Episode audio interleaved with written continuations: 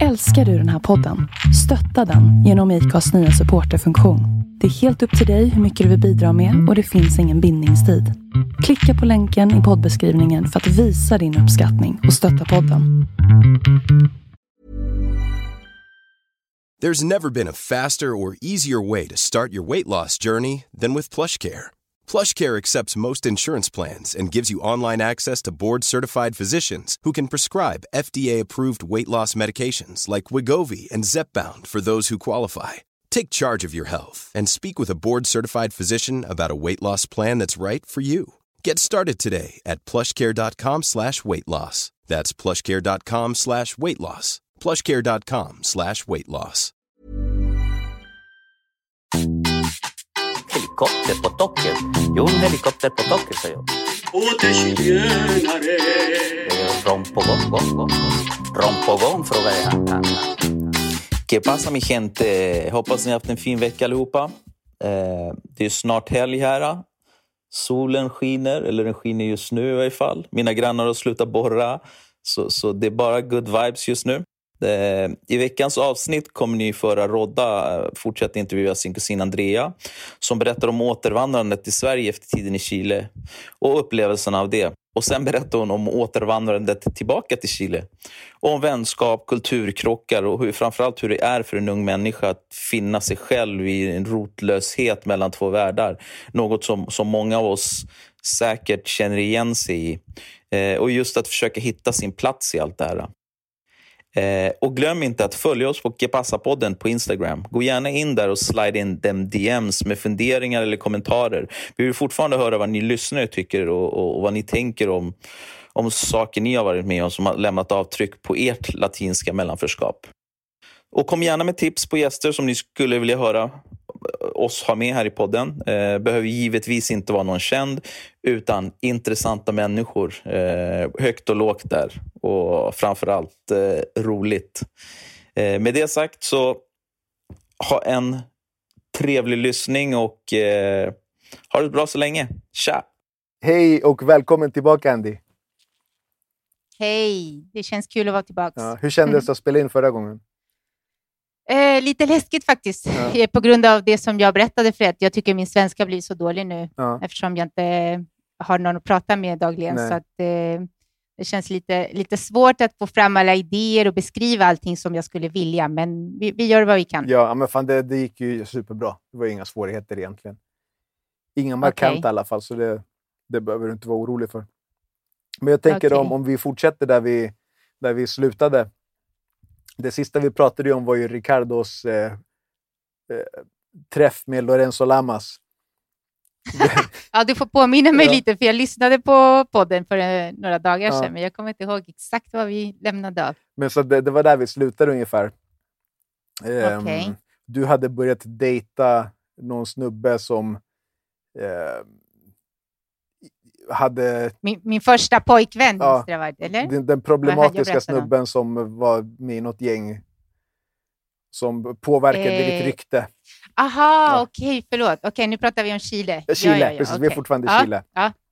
Okej, okej. Eh, Nej, grejen är att det kommer upp, det kom, alltså det kom upp så många andra minnen eh, inom, eh, under tiden som vi inte har, har haft kontakt. Ja, liksom, så ja. jag började minnas andra grejer som jag vill berätta. Ja. Men okej, Men så sätt- vi är i. Chile. Ja, ja okej, men på. vi pratar om den här snubben då först. Eh, Sapo kallades han för. Så vi kan, Sapo.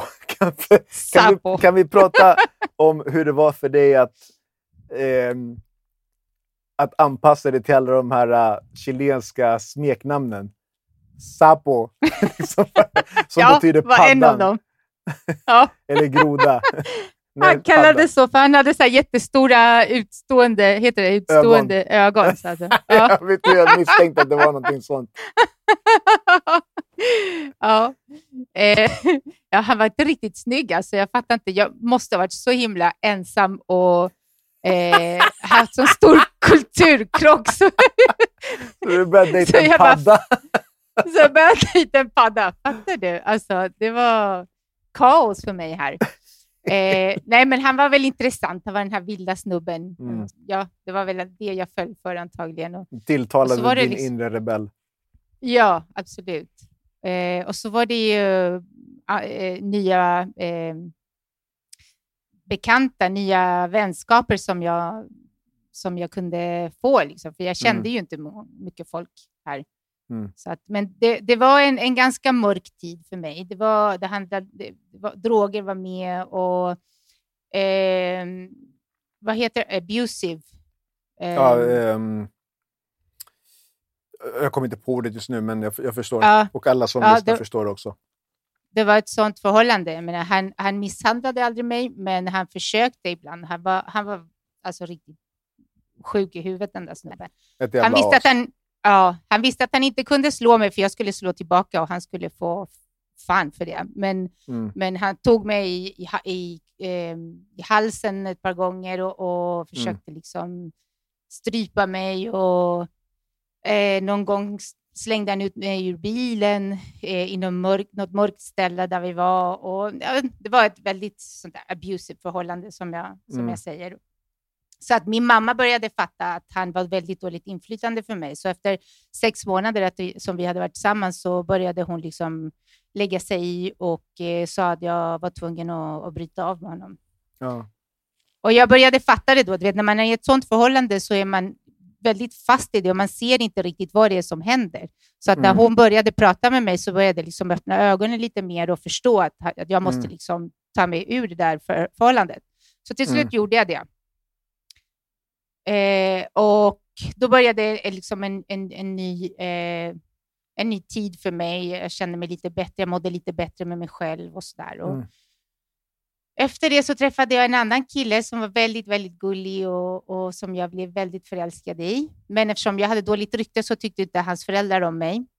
För hans syster Ja, var tillsammans just med ja, hans syster var tillsammans med en av de här killarna i det här gänget som jag hade varit med i, så att hon visste Mm. precis allting som pågick där. Så att, Mm.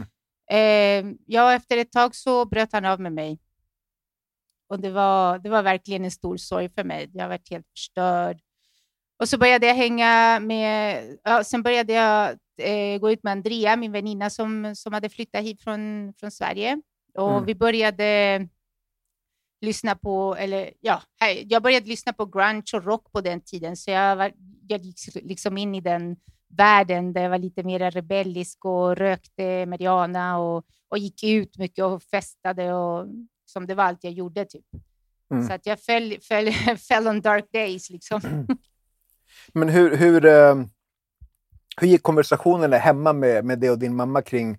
För jag antar att du måste vid något tillfälle uttryckt att, att du var missnöjd med flytten till Chile, liksom, att, att det var svårt att eh, liksom komma in i, i liksom det, in, inte gänget, men i den, liksom, vad ska man säga, komma in i det systemet. Eh, jag tror att hon, jag menar, hon fattade att vi inte anpassade oss och att vi var missnöjda och olyckliga och alltihopa, men hon, hon visste inte vad, vad hon kunde göra åt det. Liksom. Jag tror att hon Mm. bara hoppades att det skulle gå över och att vi skulle an, anpassa oss någon gång.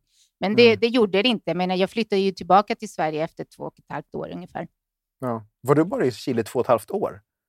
Ja, Shit, ja. Ja. 94, 95 kom du tillbaka då?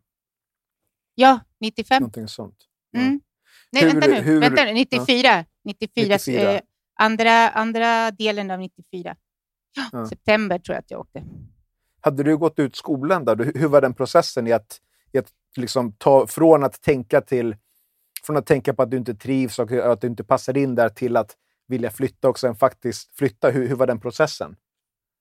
Eh, ja, det, det blev så att jag, av ett misstag de gjorde i skolan där jag gick ut, att jag, Mm. jag, eh, jag gick ut till eh, tercero, me- eh, cuarto medio som det heter. här. Det är typ, Mm. jag vet inte vad man ska likna det med i Trean i Sverige. gymnasiet? Typ, i Ja, typ. Ja, ja, för det är liksom gymnasiet. Ehm, men de hade, eh, eh, på grund av att jag hade liksom gått ner ehm, kurser i Sverige och sen så hade jag kommit hit och skulle jag gått, jag skulle egentligen ha gått in i eh, segundo medio, men Mhm. de satte mig i tercero medio.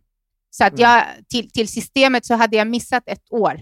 Så att när jag, Mm. skulle, när jag skulle ta det här testet som man tar för att eh, komma in på universitetet, du vet vad det heter? Mm. På den tiden hette det la... vad heter det? Ja, det spelar ingen roll. Eh, det har ett Ett namn, men jag kommer inte på intagningsprov i det. alla fall. Ja, precis, ett intagningsprov till universitetet. Så kunde jag inte, för att i systemet så stod det att jag hade missat ett år och jag var tvungen att, att eh, gå det året för att kunna gå Ja. in på universitetet. Så då blev det Mm. liksom inga studier för mig. Jag, jag gick ut cuarto medio och, eh, och där var det liksom slut för mig.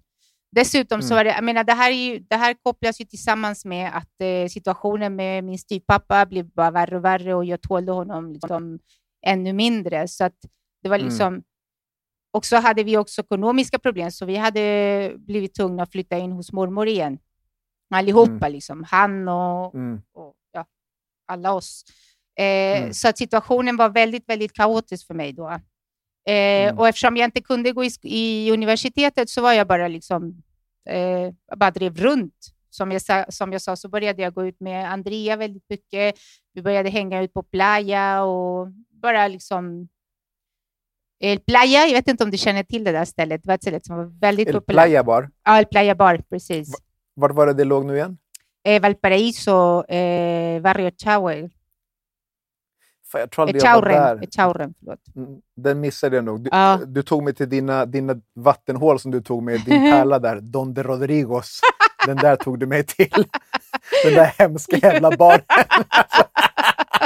Men vi var grunge alltså, vi hängde på de Ja. värsta jävla hålen Det du kan tänka dig. riktigt. Det var riktigt grunge. det, var Alltså- som, att- det var som att gå in i ett skräckhus ungefär, från någon skräckfilm. Så här klotter över hela väggarna. Eh, murbruket var borta från många delar av väggarna, så man såg teglet bakom. Det var, vet du vad det var som? Det var som, kommer du ihåg den där filmen från Dusk to Dawn? Ja, Inte den här tiden, när de stannar i den där The Titty Twister. ja. Så var det. att gå in där. Det, fanns Donde faktiskt, Rodrigos. det var faktiskt värre än, än det. En gång var jag på, en, i Valparaíso, allt det här, El Playa och eh, de andra, El, El Playa, El Dique, eh, Mm. det fanns några fler. De, de var i Valparaíso, där vid Plata, Plaza Sotomayor, om du vet var det ligger. Ja. Mm. Eh, där var jag, hängde jag ut en gång med, eh, på en som inte hade golv. Alltså det var bara jord. Det var bara jord, jord, Jord. på golvet. Ja, fy fan. Men, alltså, men det, det var verkligen eh, centrumet för det här, för, för grunge och rock på den tiden. Så liksom, Den kulturen, Den liksom. kulturen och man gick runt på alla Ja. barerna som låg inom samma område och det var fullt med folk Mm. och det var skitkul. Alltså, vi, Mm. vi hade liksom inga pengar, bara 500 pesos för att komma in och du fick en öl med Mm. det. Och då partade man hela natten liksom, bara med 500 pesos. Men Jag kommer ihåg att jag, jag tyckte det var så jävla fett när jag var där att man kunde köpa såna här en liters öl. att flaskorna, att man kunde köpa en liter. Ja. Det var ju så här, I Sverige var det så här, det, det går inte, det gick inte. nej. Så att man köpte en stor stark och det var 40 centiliter, liksom ett glas. Ja. Och där kunde man köpa en liters flaska för typ så här, fan vet jag, eh, typ 3, 4, 500 pesos på den tiden kanske. var superbilligt. Kanske lite mer däromkring, men det var superbilligt. För, för mig i alla fall. Jag bara, det här är helt sjukt. Ja, men Hur kan man få så här mycket ja, öl för så lite pengar? Liksom? Ja, alkohol. Plus att eh, man hade ju sett i, i filmer, i såna här liksom, hiphop, gangsterfilmer, att de drack 40s. Med såna här en liters Ja, öl. det. Så det tyckte man ju var skithäftigt. Jag trodde jag tyckte att du var en sån. eh, Du skulle bara ha Ja, precis. papperskassen och sen så var det färdigt. Ja. Ja. Eh, jo, alkohol här är ju, alltså jämfört med Sverige, är ju väldigt mycket billigare fortfarande skulle jag Och sen mig. så i alla fall, vid något tillfälle så måste du väl ha kommit in i, i tankar på att du inte vill bo kvar där. Ja, Hur, precis. hur, eh, hur manifesterade sig de, liksom den grejen? När, när gick du från tankar? Vad var det för tankar? Och, och liksom, när och hur gick du från tankarna till att faktiskt ta steget att flytta tillbaka? Ja, allt det här som jag berättar drev ju mig till det till slut. Alltså, det måste ha, ha, ha varit någon, någonting om... Eh, det måste ha handlat om månader. För att jag gick ut Mm. skolan i december och sen från det till ungefär juni så, så, så var den här eh, etappen där jag liksom, den här killen bröt upp med mig och jag började hänga ut på de här Mm. barerna. Eh, tills, ja, ungefär runt juni måste jag ha sagt till min mamma på eh, 1994 måste jag ha sagt att jag, jag vill åka tillbaka till Sverige. Och så började Mm. vi fixa allting, prata med Tia och, och så åkte jag i september. Och hur, hur eh, upplevde du återkomsten? Var det vad du förväntade dig till en... Liksom, eller till en början måste det väl ha varit så? Fan vad skönt att vara tillbaka och jag ska göra det här och det här? Eller, liksom, eller hur, hur, hur var upplevelsen för dig att komma tillbaka? Ja, eh, ja, som du säger så är ju första tiden alltid så jättekul och, och det är ju liksom nytt igen och, och du vet, man träffar alla på nytt och sådär. Så att eh, de första dagarna, de första månaderna var väldigt kul och jag tog kontakt med mina, mina gamla vänner och det, det kändes jätte, jättemysigt. Men jag har alltid haft så himla stora eller starka band med min familj, speciellt med min mamma, att eh, det kändes ändå jobbigt att vara så långt borta. Och du vet, eftersom kommunikationen inte var lika flytande som det är nu så var Nej, det liksom precis. brevväxla och man kunde höra från varandra inom en månad. Eller något sådär. Mm. Man kunde ju ringa, men det var ju väldigt dyrt. och sådär. Jättedyrt. Ja. Så att det kändes jätteläskigt liksom, att vara så långt borta. Och... Men, så att det var liksom lite blandat. Ja, det, det, Mm. det var jättekul och, och jag menar, vara hos er igen. Och, ehm, jag bara kände mig fri också från, från hela det här livet med, med min styvpappa och, och Mm. alla problem som vi hade där. Eh, men Mm. samtidigt så var jag ju tvungen, jag menar jag var 19 då, eh, jag var liksom inte ett, ett barn eller en, en tonåring som när jag åkte och då, då kändes det så himla annorlunda att komma in i, i, det svensk, i den svenska samhället. Liksom. Därför att då Mm. fick man nästan ingen hjälp. Du skulle bara klara dig själv. Jag skulle jobba och jag skulle liksom eh, skaffa mina egna pengar. Det fanns liksom inte tandläkare, du vet som när man gick i skolan och de bara skickade till Nej, tandläkaren. precis. Allt det där hade tagit slut, utan det var Arbetsförmedlingen och söka jobb. Så att det kändes Mm. lite tufft. Eh, eh, ja, och det, en, en grej som jag gjorde som var, som var jättekul liksom, var att jag, eh, min tia, tia Bia, moster Bia, hon ringde till, till Thomas som var min, min före detta pojkvän och sa att... Eh, Just det, när du bodde i Sverige. Ja, precis. Hon sa Mm. att eh, jag hade skickat ett paket till honom att hon skulle komma och lämna det, så om han skulle vara hemma. Mm. Så att jag kom Mm. he- hem till honom. Från, från, jag åkte hela vägen till Hässelby villastad liksom, och, och knackade på dörren. Så när han öppnade dörren, tack, kan du tänka dig liksom, hans, hans feja liksom, och hans Ja, min och, och, och alltihopa. Han bara fattade ingenting. ja. Så det, det var en riktigt kul grej som jag fick göra, som jag hade liksom fantiserat om väldigt mycket om att kunna Mm. göra. Men sen så, en av mina bästa vänner, jag vet inte om du kommer ihåg Karo eh, Josef, ja, jag minns Carro. hon eh, var i London.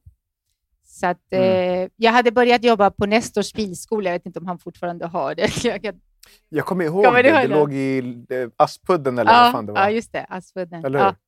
Jag hade börjat jobba hos honom. Jag hittade jobb väldigt snabbt eh, genom kontakter. Jag kände honom eller någon annan. Så att jag Ja. hade jobbat där i några månader när Karo, när Karo jag började brevväxla och så bestämde jag mig att jag skulle åka till London och, och träffa henne. Skulle stanna Mm. där ett tag med henne. Så då åkte jag till London i Mm. sex månader. Och det var ett, en helt en, en ny, ett, ett äventyr. Nytt äventyr. Ja, ett nytt äventyr. Eh, jag menar, det, det hände väldigt galna saker där. Och, och, Jag har något minne av att du har berättat att vid något tillfälle så... För att, eh, om jag inte minns fel så elgrejen där, det var att man stoppade mynt i den. Exakt. Jag, jag kommer ihåg någon form av historia att ni hade inte el ett tag. Ja, Vi hade inte el och vi hade inte mat. Vi hade liksom ingenting. Vi drack te en hel dag för vi hade inte mat för att köpa pengar. Eh, men, förlåt, vi hade inte pengar för att köpa mat. Det är därför du raderar.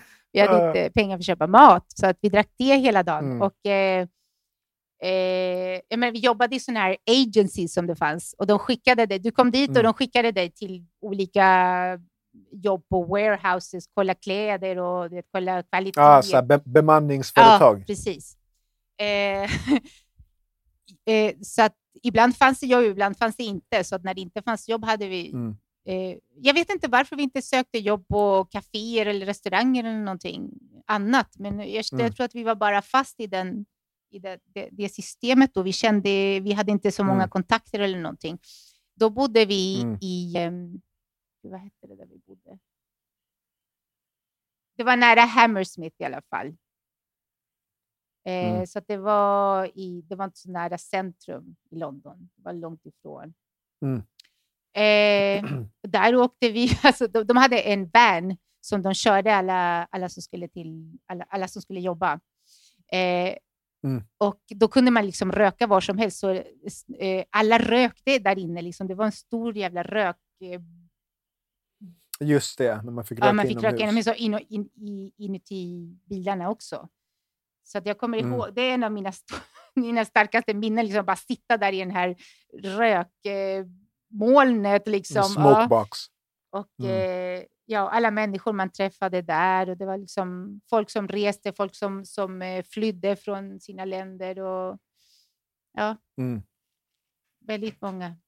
Men så, när, när pengarna tog slut till eh, elboxen så kom du tillbaka till Sverige igen. Nej, nej, då stannade jag. Då, alltså, det, det var bara några dagar. Sen hittade vi jobb igen. Okej. Eh, men grejen var att vi var tvungna att flytta från det stället där vi bodde. Och, eh, vi träffade en, en snubbe från, som var från Kanada i det här, den här agencyn. Och han eh, sa att vi kunde, bo, Mm. vi kunde bo i, hans, i en lägenhet som han hade. Han hade fått någon lägenhet genom staten. Och så där. Och han skulle hyra ut den Mm. till oss, men vi behövde inte betala utan vi skulle bara köpa möbler och då fick vi stanna. Men vi hade ju inga pengar så att vi Mm. bodde där i typ Nej. två veckor. Vi hade inte köpt en enda möbel. Så en, en, dag, en dag när vi kom, vi hade varit ute med några vänner och så kom vi tillbaka hem igen. Då hittade vi alla våra grejer i plastpåsar utanför dörren och då, han Ja. hade bytt lås. Liksom. Ja. Så att vi hade, det fanns inte något sätt att komma in och vi bara stod där med våra plastpåsar och med alla grejerna i och han hade tagit våra pass. Inte pass. Ja. Så att, eh, och vi var väldigt rädda för att vi hade hört att han var sån här eh, förfal förfalskare. Så att vi visste inte vad Ja. han skulle göra med våra pass. Vi var liksom skiträdda att han skulle göra något olagligt med dem vi skulle åka fast för, för det. Mm. Eh, så att de här Mm. killarna som vi kände, som vi hade varit ute med, de, de sa att okej, ni får stanna hos oss. Liksom. Så då åkte vi till, det var Ja. någonstans nära Elephant Castle, något där. Så en, en, en lägenhet där vi fick bo eh, hos en av de här vännerna. Eh, så att, hur, gjorde- ja just det, och eh, eh, den här snubben som hade tagit våra pass, hans flickvän jobbade på den här agencyn, så att vi var ute och vaktade liksom flera dagar i rad och, för att träffa henne. Så tills vi fick tag på henne en dag och så åkte vi med henne hem för att ta tillbaka våra pass. Så att när, när han såg oss komma in Mm. med henne, vi berättade för henne vad som hade hänt, så att hon sa att Mm. okej, då kom, kom med mig. Liksom. Så vi kom hem till honom Mm. och vi bara, vi, måste, vi vill bara ha tillbaka våra pass, vi vill inte ha liksom, något problem. Så att han till slut gav han tillbaka oss. Eh, så att, Och, sen, och sen åkte ni hem till nej, Sverige. sen stannade vi där. Hur fucking länge stannade ni kvar där? Utan pengar, utan Nej, jobb? men sen fick jag jobb. Jag, jag åkte in till stan till, Ja. eh, till gud, vad heter det? här? Eh, ge mig en stund så försöker jag komma ihåg vad det hette. Ehm, det är något ställe inne, inne i eh, stan i London som är väldigt fint och det finns en market. Eh, jag kommer komma på det sen, så, så mail, skriver jag och berättar vad det heter Ja, men, ah, skitsamma, ett ställe i London, som är, där det fanns många kaféer och restauranger och allting och där fick jag jobb. Mm. Eh, såklart så hade vi liksom ingen sån här ID-nummer eller, eller social security number som man skulle ha. Så Carro bara, nej men jag bara hittar på ett när jag letar efter jobb. Så jag bara hittar på ett, ett nummer. och så fick jag, vet inte, de måste ha betalat in skattepengar till något nummer som inte fanns under hela tiden som jag jobbade där. Men där fick jag jobb och Mm. eh, Nina Carro, hon stannade hemma för hon hade liksom, jag vet inte, jag tror hon, hon var väldigt deprimerad. Hon hade liksom inte eh, styrkan att gå ut och söka jobb eller någonting, så hon var hemma under tiden som jag Mm. jobbade där. Eh, och Det var väldigt kul, men eh, det var, också, det var också väldigt skrämmande för jag hade aldrig jobbat som servitris eller något där. Så jag sa att jag hade erfarenhet, men det hade jag egentligen inte. Så jag visste inte alls vad man skulle Mm. göra. Men det är, så, det är väldigt vanligt. Ja, Fake it till precis. you make Jag it. menar, Om man behöver ett ja, jobb det så var inte kör ett brott. liksom. Så att, eh, men jag kommer ihåg att intervjun med, med manager, de- den, han som skulle anställa mig, så gick han ut efter att Mm. han hade, vi hade pratat ett tag, så gick han ut och skulle hämta min uniform. Och jag bara kollade på en dörr som fanns där. Jag bara, ska jag sticka eller ska jag inte sticka? Och så hann jag inte sticka, så han kom tillbaka med uniformen och då var det Mm. liksom bara kört. Då fick jag stanna där och jobba. Ja, precis. Köra på. Eh, ja, och så, jag tror att jag jobbade där i typ ett, två månader eller något där. Där träffade jag mycket folk. Det var väldigt kul och det var liksom eh, fint ställe och det var inte jo, pengarna var inte så bra, men vi fick ta med oss gammalt bröd vid, slutet av dagen, så att jag tog med mig jag, jag tog, jag, alltså, egentligen inte var, det- var inte så här jättegammalt, utan det var det som hade blivit över från dagen. resterna, Ja, precis. dagens rester. Ibland pizza Ja. och sådär. Mm. Så att jag kom hem till Carro, hon satt där och spelade so, eh, solitär, heter det så? Hon spelade kort hela dagen. Ehm, ja, soli, Solitario, alltså hon spelade... patiens hela dagen, Patiens, stackarn. tror jag Det var det hon gjorde och rökte. Ja. Mm. Så jag kom hem och, och då, då hade vi, Fy då hade vi och, och äta. Ja, ja, hon höll på att bli galen, stackarn. Mm. Så, och, och grejen är att hon stannade kvar efter att jag åkte tillbaka. Jag åkte tillbaka bara för att min, min eh, tiden hade liksom gått ut. Jag fick inte stanna mer än sex månader eftersom jag inte hade eh, svenskt pass. Mm. Jag hade bara chilens med, med svenskt Ja. eh, uppehållstillstånd. Så att jag, precis. Annars hade jag stannat faktiskt, för sommaren hade precis börjat och som det roliga hade, hade precis börjat. Men ja, där, där hände det många, många historier som jag, ska- jag ska försöka komma ihåg så att jag har liksom lite mera material att berätta, lite, lite mera färskt material. Att det, Mm. det hände mycket. Mm. Men sen åkte jag tillbaks. Precis, Men sen, kom du jag tillbaka till Sverige. Mm. Eh, och då var det sommar och då var det, då var det kul. Då gick man ut och jag, jag skaffade jobb igen. Grejen är att jag skaffade jobb som städare och det, jag, jag tänker alltid på det här. Varför ska, skaffade jobb, jag jobb som städare? Jag kunde ha jobbat inom vad som helst. Jag menar, min svenska var ju mycket bättre än den är nu.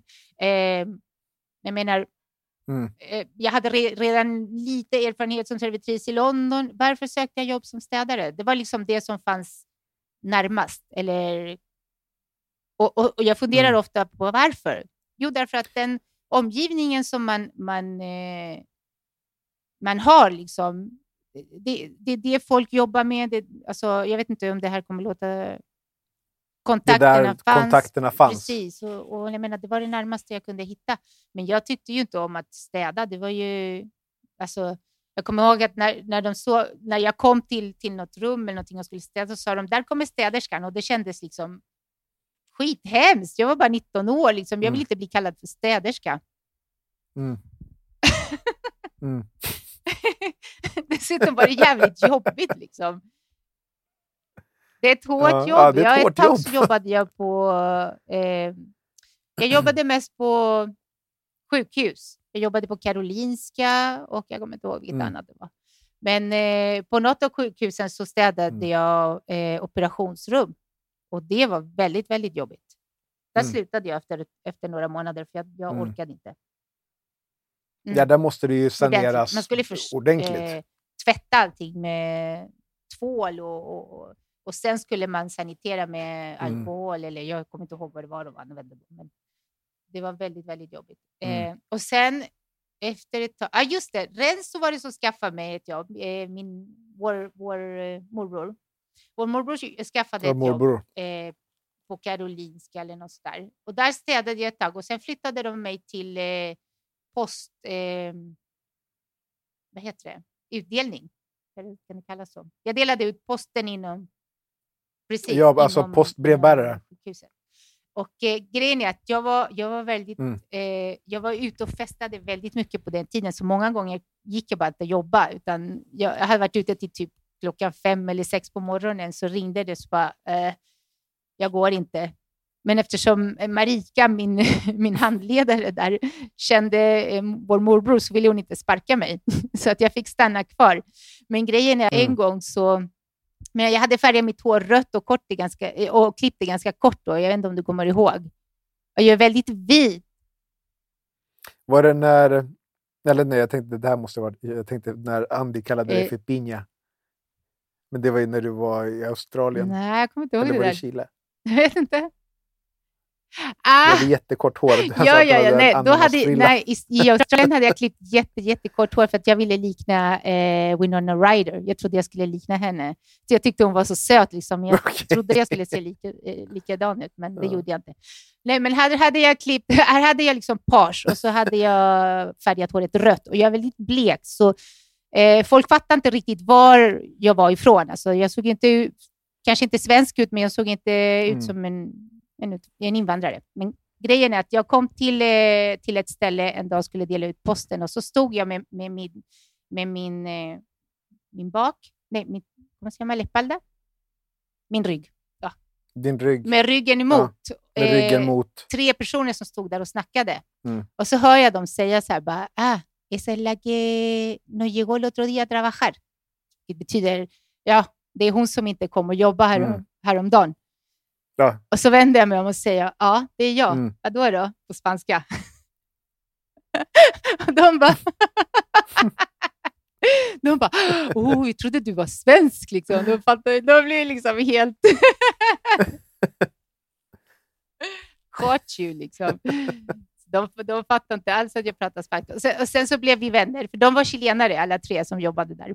Så jag, blev, jag började käka lunch Mm. tillsammans med dem. There's never been a faster or easier way to start your weight loss journey than with PlushCare.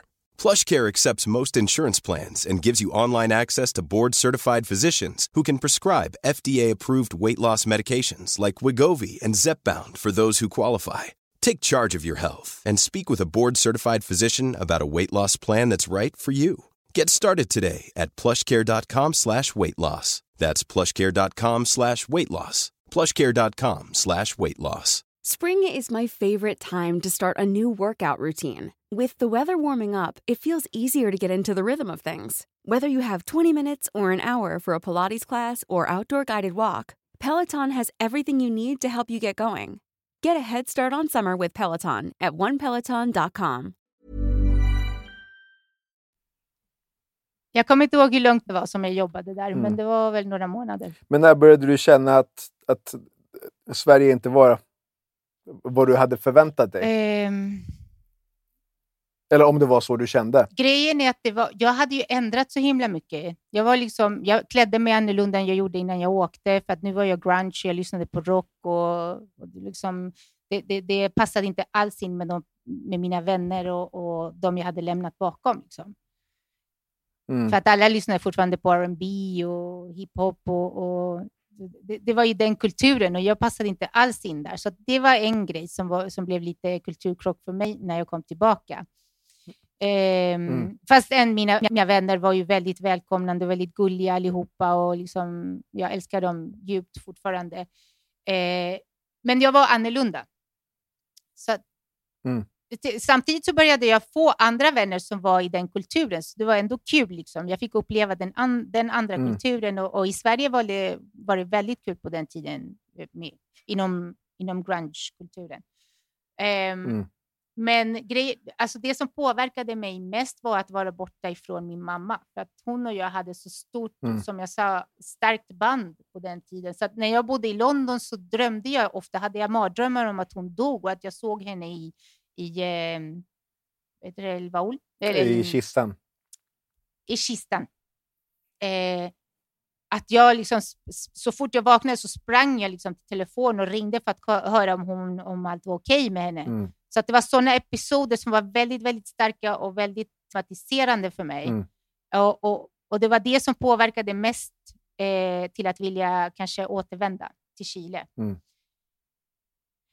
Och jag, dessutom så kände jag mig väldigt ensam också. Men man känner sig ganska rotlös när familjen, den direkta familjen bor någon annanstans och man är själv, Mm. i, speciellt vid den åldern, för jag är väldigt ung, eh, i ett annat land. Mm. Även fast det är ett bekant land för en. Det, var- det var nog de sakerna som gjorde att jag liksom inte kunde anpassa mig riktigt. Och, och jag bara kände mig så himla... Att allt hängde bara på mig. Mm. Jag var tvungen att skaffa jobb. Jag var tvungen... Jag menar, jag bodde hos er och så där. Jag hade väldigt mycket hjälp, men jag kände mig ändå ensam i, i, eh, på det sättet. Jag vet inte om du förstår vad jag menar. Ja, men det, det är klart, det blir ju så. Man är ju, man är ju individ och man har ett ansvar gentemot sig själv. Och framförallt som du säger, när man har sin eh, kärnfamilj på andra sidan världen så blir det ju, det blir ju ensamt. Precis. Precis, och speciellt mina, vän, mina bröder var ju lite yngre då, och så, där, så jag kände mig fortfarande väldigt... ehm, liksom att, att, de var, att, att jag skulle ta hand om dem och Mm. så där. Jag, jag kändes, dessutom visste jag liksom att de stannade med min styvpappa och att de hade det dåligt. Och, och jag kände mig lite skyldig. och, och ja, Det var sådana grejer. Mm. Liksom. Ehm, Men när, när tog du beslutet då att nu, nu vill jag hem och hur, hur, hur, eh, hur var den processen? Alltså jag skulle inte ha flyttat tillbaka. Även, även om jag mådde så där som jag har beskrivit så skulle jag inte ha flyttat tillbaka om inte min mamma hade brutit upp med Ricardo. Okej, det var Därför det som det var, var- själva liksom, vändpunkten. Eller Precis. green light om man säger så för dig. Ja, det var liksom det som behövdes för att mamma skulle... För att vi pratade ofta i telefon och, och eh, hon hade börjat eh, bryta ner sitt förhållande med honom Mm. under tiden som jag hade varit där. Hon, sa, alltså, hon saknade mig jättemycket. Jag tror den tiden var väldigt, väldigt svår för henne. Hon berättade att hon som luktade på min, på min kudde Mm. på, på sängen och började gråta, typ sådana saker. Mm. Och så började hon tänka liksom att min dotter fick åka härifrån och den här idioten fick stanna. Mm. Så att hon, ja, hennes förhållande började liksom gå down the drain Mm. och eh, vi började prata mer och mer och hon berättade att hon skulle göra slut med honom, att han skulle försvinna. Och jag vet, det där hade hänt så många gånger att hon hade sparkat ut honom och han hade kommit tillbaka så att jag vågade inte lita på det längre. Nej. Så att hon lovade och lovade och lovade tills hon eh, me convenció. Tills jag trodde på det. Och det var Mm. då jag bestämde mig för att komma tillbaka. Men jag hade köpt ett, en flygbiljett som var öppen i sex månader. För att om Mm. det hände igen att han kom tillbaka så, så tänkte jag faktiskt komma Ja. tillbaka till Sverige. Din, din försäkring liksom. Ja, precis. Vilket år var det du, du återvände? Åter, återvände? Åter återvände. Ja, precis. La Det var- re det var- retornada. Se, och det var inte den enda återvändningen. Liksom. Det var- Det är många återvändningar i mitt liv. Ja. Eh, det måste ha varit 96. Mm. 96. Början på 96 eller något där. Men då var det ännu värre. Chile. Var, var det Ja. värre då? Alltså i Chile menar du eller? Ja, alltså det, den kulturkrocken som jag eh, gick igenom då var ju ännu värre. För att nu hade jag varit i London dessutom. Mm. Hade upplevt allt det där. Eh, hade varit ute och festat mycket i Stockholm och sett liksom en helt annan värld, festivaler och massa grejer. Och, Ja. Du hade bott utan möbler och plötsligt nu skulle du bo med möbler. Ungefär, och kunde äta. Behövde inte dricka te hela el. dagen. Ja, nej, men du vet, man, man är 19, man är liksom Mm. grunge i den kulturen. Det var det man skulle uppleva om man åkte till London, så det var inget fel. Mm. Liksom. Ehm, men eh, jag hade lämnat väldigt mycket bakom mig som jag tyckte om i Sverige.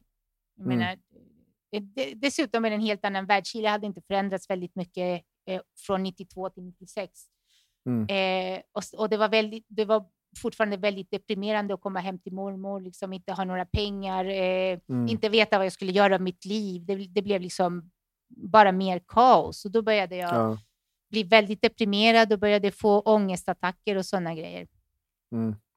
Vet Så du vad jag minns? Mm. Jag minns eh, mormors tips till när du var ledsen. Ja. ¿Y por qué no sale a caminar al cerro? Jag skulle ju säga, jag tror jag vet vad du pratar om. Precis. ¿Por qué no sale a caminar al cerro? Ja, det Typ som jag tips. gjorde när jag var ung. Ja, ja, gå ut och promenera i bergen. Det var, man kunde ju gå till liksom kullarna. Alltså, det tog ju säkert två timmar att gå dit. Ja, jag gjorde det. Och då kom man ner till kull till där det började. Ja. Så att Det var väldigt ut och fint gå i bergen. sig.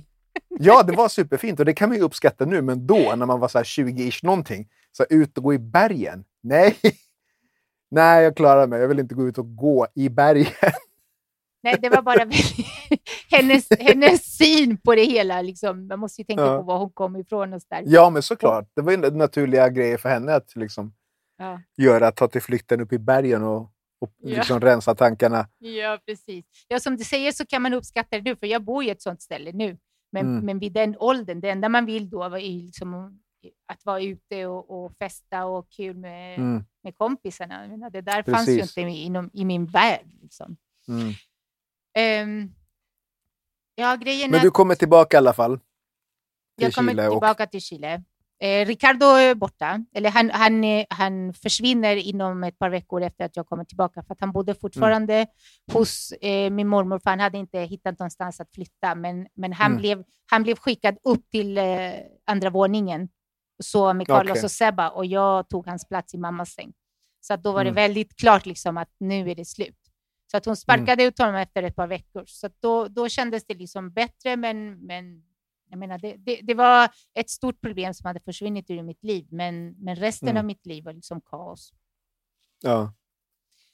Eh, dessutom rökte jag väldigt mycket marijuana fortfarande, så det, det, det påverkade ju väldigt mycket min, min, mental, min mentala hälsa. Det, det Mm. var, speciellt om man mår dåligt och man är deprimerad. Jag vet inte om det finns folk som kanske mår bättre när de röker, men jag gjorde inte det. Det var bara värre. Mm. Mm. Och eh, jag, menar, jag vet inte om jag berättar, men när jag, jag hade aldrig varit, alltid varit väldigt smal. Ända upp tills jag flyttade till Chile första gången. Då gick jag Mm. upp typ 10 kilo. Jag pratade Mm. med någon psykolog någon gång och hon sa att det måste ha varit någonting som, som liksom kroppen gjorde för att jag mådde så himla dåligt. Alltså det var hennes, hennes eh, teori. Teori. Men För åt du medicin för, för det när du mådde dåligt? Eh, jo, jag åt medicin för panikattackerna. Jag fick, Ja. alltså de, de första panikattackerna gick jag till psykiatrikern för och eh, då Mm. fick jag eh, mediciner som, som faktiskt stoppade dem. Så då blev jag beroende av de medicinerna för att jag kunde liksom inte gå ut från dörren, genom dörren utan, Det kunde inte fungera annars. utan pillerna. Nej, nej, för då började Mm. jag få ångestattack med en gång. Men Mm. grejen är att jag, jag ville bara berätta om att jag hade gått upp i vikt och jag mådde så himla dåligt för jag hade alltid varit så himla smal och jag hatade hur jag såg ut med typ 10 kilo mer. Så att eh, Mm. det, det, det pågick väldigt länge, till och med, eh, jag vet inte om du kommer ihåg, men när jag kom till Sverige så hade, så hade jag mer, liksom, jag var lite tjockare. Jag vet inte om du hörde mig prata om det eller minns du någonting från den tiden? Ja, så det är klart att jag, att jag hörde dig beklaga dig över det. Liksom, men, du fattade inte hur dåligt jag mådde? ja, nej, för, för, liksom, för en utomstående så är det svårt att, att kunna förstå för att det har att göra med din självbild. Mm. Och när, när du upplev, upp, upplevde dig själv som liksom överviktig så, så det var ju det som var din sanning för dig i din självbild. Men hur Fast tyckte du att jag såg så ut? kanske inte andra upplevde det. Nej, precis. Vad sa du? Hur tyckte du att jag såg ut? För jag, precis som du säger så var det min självbild och jag vet inte hur andra uppfattade mig. Jag trodde att alla andra skulle se att jag hade blivit en tjockis liksom, och bara gå omkring och snacka Ja, det, om det. det tror jag hade varit högst osannolikt. Okej. Det är nog mer, liksom, som du säger, det, det, det, det är mental liksom, ohälsa.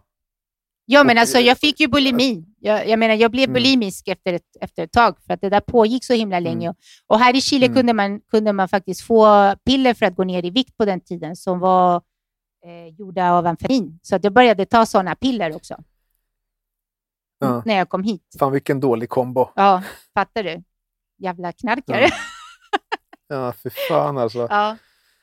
Nej, men jag tänkte förut när du sa att du, att du gick upp under depressionen och att du eh, åt medicin också. Vissa av de här medicinerna gör ju att, att man går upp i vikt. Man binder vätska.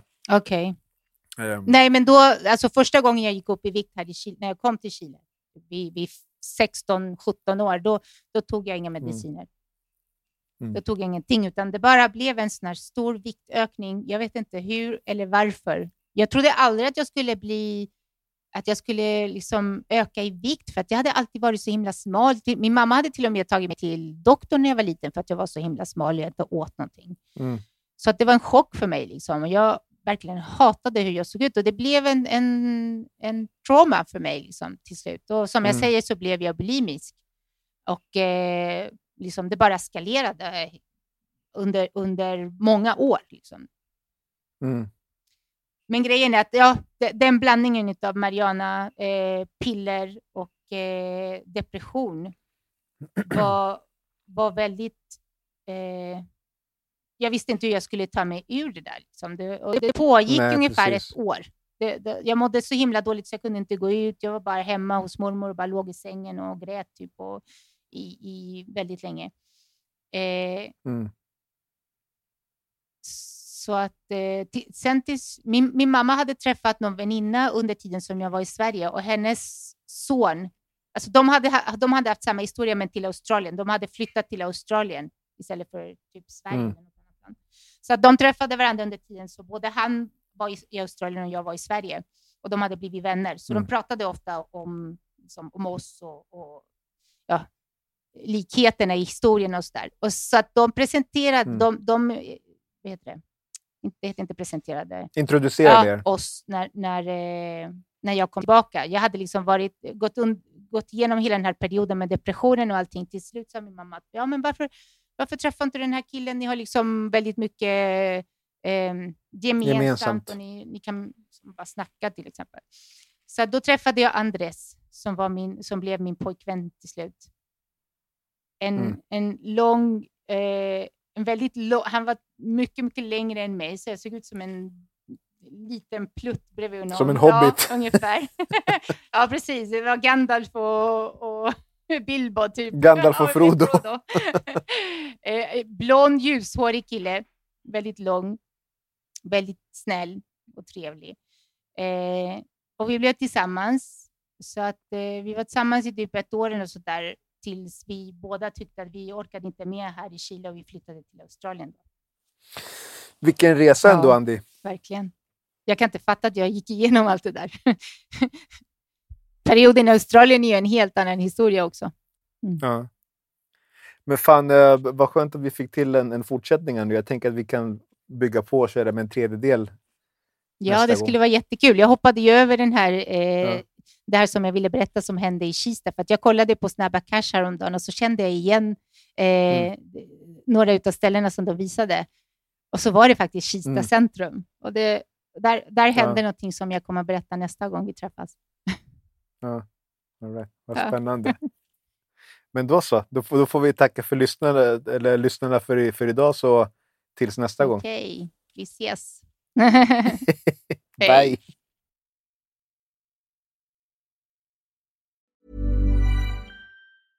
Hey, it's Paige DeSorbo from Giggly Squad. High quality fashion without the price tag. Say hello to Quince.